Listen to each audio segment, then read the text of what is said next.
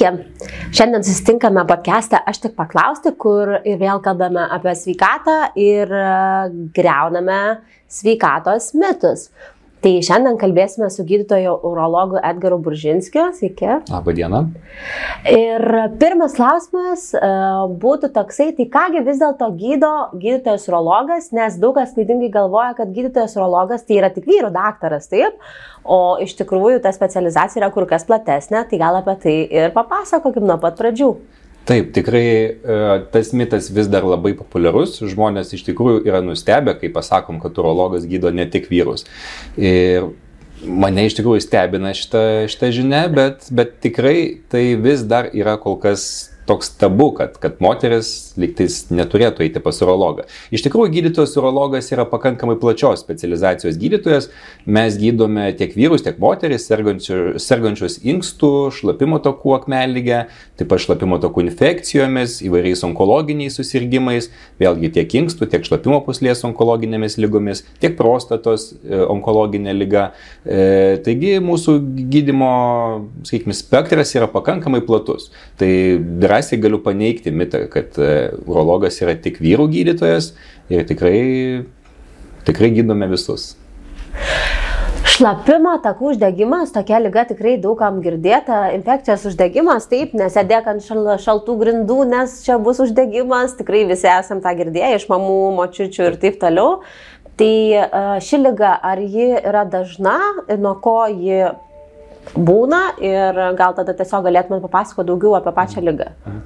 E, Lyga yra neįtikėtinai dažna e, tiek vyrams, tiek moteriams. Vėlgi, šlapimo takų uždegimas kaip savoka, jinai yra labai plati. E, čia mes galime kalbėti apie šlapimo puslės uždegimą, apie inkstų uždegimą, apie prostatos uždegimą galime kalbėti. Visa tai telpa į savoką šlapimo takų uždegimas. Mūsų dažna pacientė yra moteris, kuri e, serga šlapimo puslės e, uždegimu. E, tie uždegimai dažnai kartojasi vėl ir vėl ir vėl ir pacientės neranda tiesiog efektyvios pagalbos, neranda gydimo. Dėl to šeimos gydytojai neretai tokias pacientės siunčia gydytojui urologui. Mes tokias pacientės priimame, tyriame, atliekame visus reikalingus tyrimus, atliekame echoskopiją, atliekame šlapimo pasėlius ir bandome efektyviai gydyti. E, daug grėsmingesnė yra e, lyga e, būtent inkstų uždegimo, taip vadinamas pilonefritas moksliškai. Ši lyga pasireiškia jau rimtesniais simptomais, atsiranda ir karšiavimas, ir gali purtyti šaltis, gali atsirasti kiti nemalonus reiškiniai, tokie kaip šono skausmas, žmogus tampa nedarbingas. Šias lygas taip pat gydoma mes, gydytojai urologai. Kalbant apie vyrus, e, verta pažymėti, kad vyrai retai serga būtent šlapimo puslės uždegimais, vyrai dažniau serga būtent prostatos uždegimu. Jis gali būti umus arba lėtinis. Tai umus prostatos uždegimas pasireiškia taip pat labai stiprius skausmus, sunkumu šlapintis, karšiavimu, gali būti tas karšiavimas su šalkrečiu, su naktiniu prakaitavimu, e, su naktiniu šlapinimusi susijęs.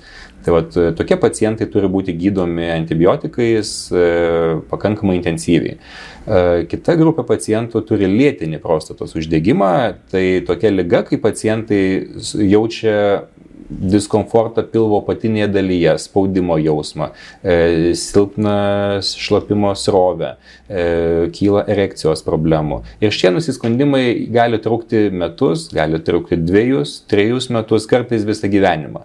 Tai šią lygą mes vadinam lėtiniu prostatos uždegimu.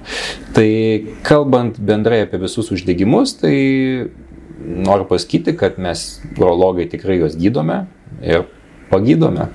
Tad bijoti nereikia ir tikriausiai reikėtų ateiti. Nereikia, taip, reikia ateiti, reikia išsitirti, būtina yra urologo konsultacija, pageidautina, kad būtų atlikta ir echoskopija, kad įvertinti visas anatominės struktūras. Ir tikrai nebijokite, e, mes šias ilgas diagnozuoti galime ir galime jums padėti.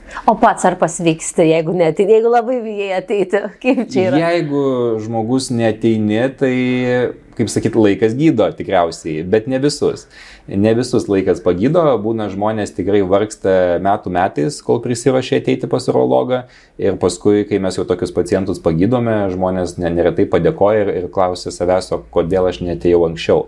Nes tiesiog gyvenimo kokybė tiek pasikeičia, tiek žmonėm palengvėja, kad jie tiesiog dėkoja mums, kad, kad pagaliau surado tą pagalbą, kurios ilgai nerado. O nerado dažniausiai ilgai dėl to, kad e, vengia kreiptis, nes kažko tai bijojo, vadovavosi kažkokiais tai mitais ir paprasčiausiai nu, laiku netėjo pasirodyti pas specialistą. Tai tiesiog visus raginu, ateikit. Tikrai girdėjau tą frazę. Jeigu tai būna, kad, oi, būčiau žinojęs, taigi prieš daug jau laiko būčiau apsilankęs iš tikrųjų. O minėjot, kad tokios lygos e, dažnai pasikartoja, būtent šeimos gydytojai dažnai nukreipia pacientus ir pacientės pas taip. jūs e, būtent dėl pasikartojančių lygų. Ar čia kažkokia būtent šios lygos yra specifika, kad jie atsikartoja, tiesiog išnyksta, sugrįžta? Mhm. E, kodėl tą paminėjot? Šlapimo takų uždegimai, jie yra linkę kartotis, jeigu jie yra neišgydomi iki galo. E, neretai būna, kad žmogus gydosi arba netinkamais vaistais, arba netinkamo laiko tarpą. Sakykime, jeigu gydimo kursas būna per trumpas, pacientas nesuvartoja visų reikalingų, sakykime, medikamentų, tai ta lyga jinai tuo metu lygtais susitvarko, bet praeina kiek laiko ir jį vėl atsinaujina. Tai yra viena iš didžiausių klaidų, e, kai žmogus nesuvartoja reikiamo vaistų kiekio iki galo. Kita klaida, kai yra gydoma, sakykime, aklai, kai yra netliekami reikalingi tyrimai, e, netliekama apžiūra, netliekama echoskopija, netliekama šlapimo pasėlis. E, tokiu atveju mes nežinome tiksliai, ką gydome. Tam, kad gydyti lygą, mes turime žinoti tiksliai, ką gydyti, dėl to ir reikalinga konsultacija specialisto, kuris e, žino būtent šitų uždegiminių lygų diagnostikos ir gydimo principus. Tai pas kaimyną nereikėtų eiti ir skolintis vaistų. E, tikrai kaimynas greičiausiai, kad jums nepadės, nes neretai būna pacienčių arba pacientų, kurie ateina, sako, tai va, aš čia geriau žmonos arba vyro vaistus, bet vis tiek man negerėja, daktarė, padėkit man. Tai, va, e, tai tik pavyzdys, kad ne, vis dėlto kaimyno vaistai jums netiks, jeigu norite, kad lyga būtų išgydyta, reikėtų ateiti pačiam ir atlikti reikiamus tyrimus. Tas frazės tikriausiai rimkis skausmo girdėtos, taip, kad pasiskolinau, čia pabandžiau. Tikrai taip, žinokite, tikrai taip, tai yra labai dažna, dažna frazė, ką tenka išgirsti mūsų kasdieniniam darbe. o sakykit, koks, um, kaip linta šios lygos? Ar tai yra lyga kuri gyvena ten kažkaip mumise ir aktyvuojasi, kai nusilpsta imunitetas. Ar tikrai čia kažkoks peršalimas, galbūt plinta lytiniu keliu, mhm. kokie yra šios lygos plitimo būdai? E, būtinai reikia atskirti du skirtingus dalykus. Tai yra šlapimo takų uždegimas ir lytiškai plintanti lyga. Tai nėra tas pats. E, šlapimo takų infekcija, ji nėra lytiškai plintanti infekcija. Labai dažnai pacientai manęs klausia, sergantį šlapimo takų uždegimais, daktaro, galima turėti lytinius santykius? Žinoma, kad galima. Lytiškai plintanti lyga tai ne tas pats, kas šlapimo takų uždegimas. Tai tokie pacientai, kurie serga šlapimo takų uždegimu, jie gali turėti lytinius santykius. Jie savo partnerio ne, neužkrės. Tai automatiškai ši lyga pasireiškia žmonėms dažniausiai po kažkokiu tai sušalimu, po peršalimu, po išsimaudimo šaltame vandenyje, galbūt po skersvėjo kažkokio tais. Tiesiog tų priežasčių gali būti labai daug. Visos tos priežastys, kurios sukelia imuniteto nusilpimą, gali komplikuotis paskui e, šlapimo takų infekcija.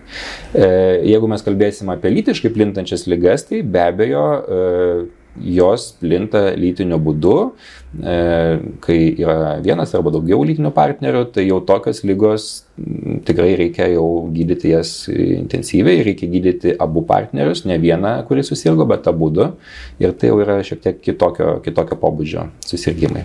Kalbant apie šlapimo takų infekcijas, e, kokios yra rizikos grupės, kokios grupės dažniausiai kenčia mhm. nuo šios susirgymo?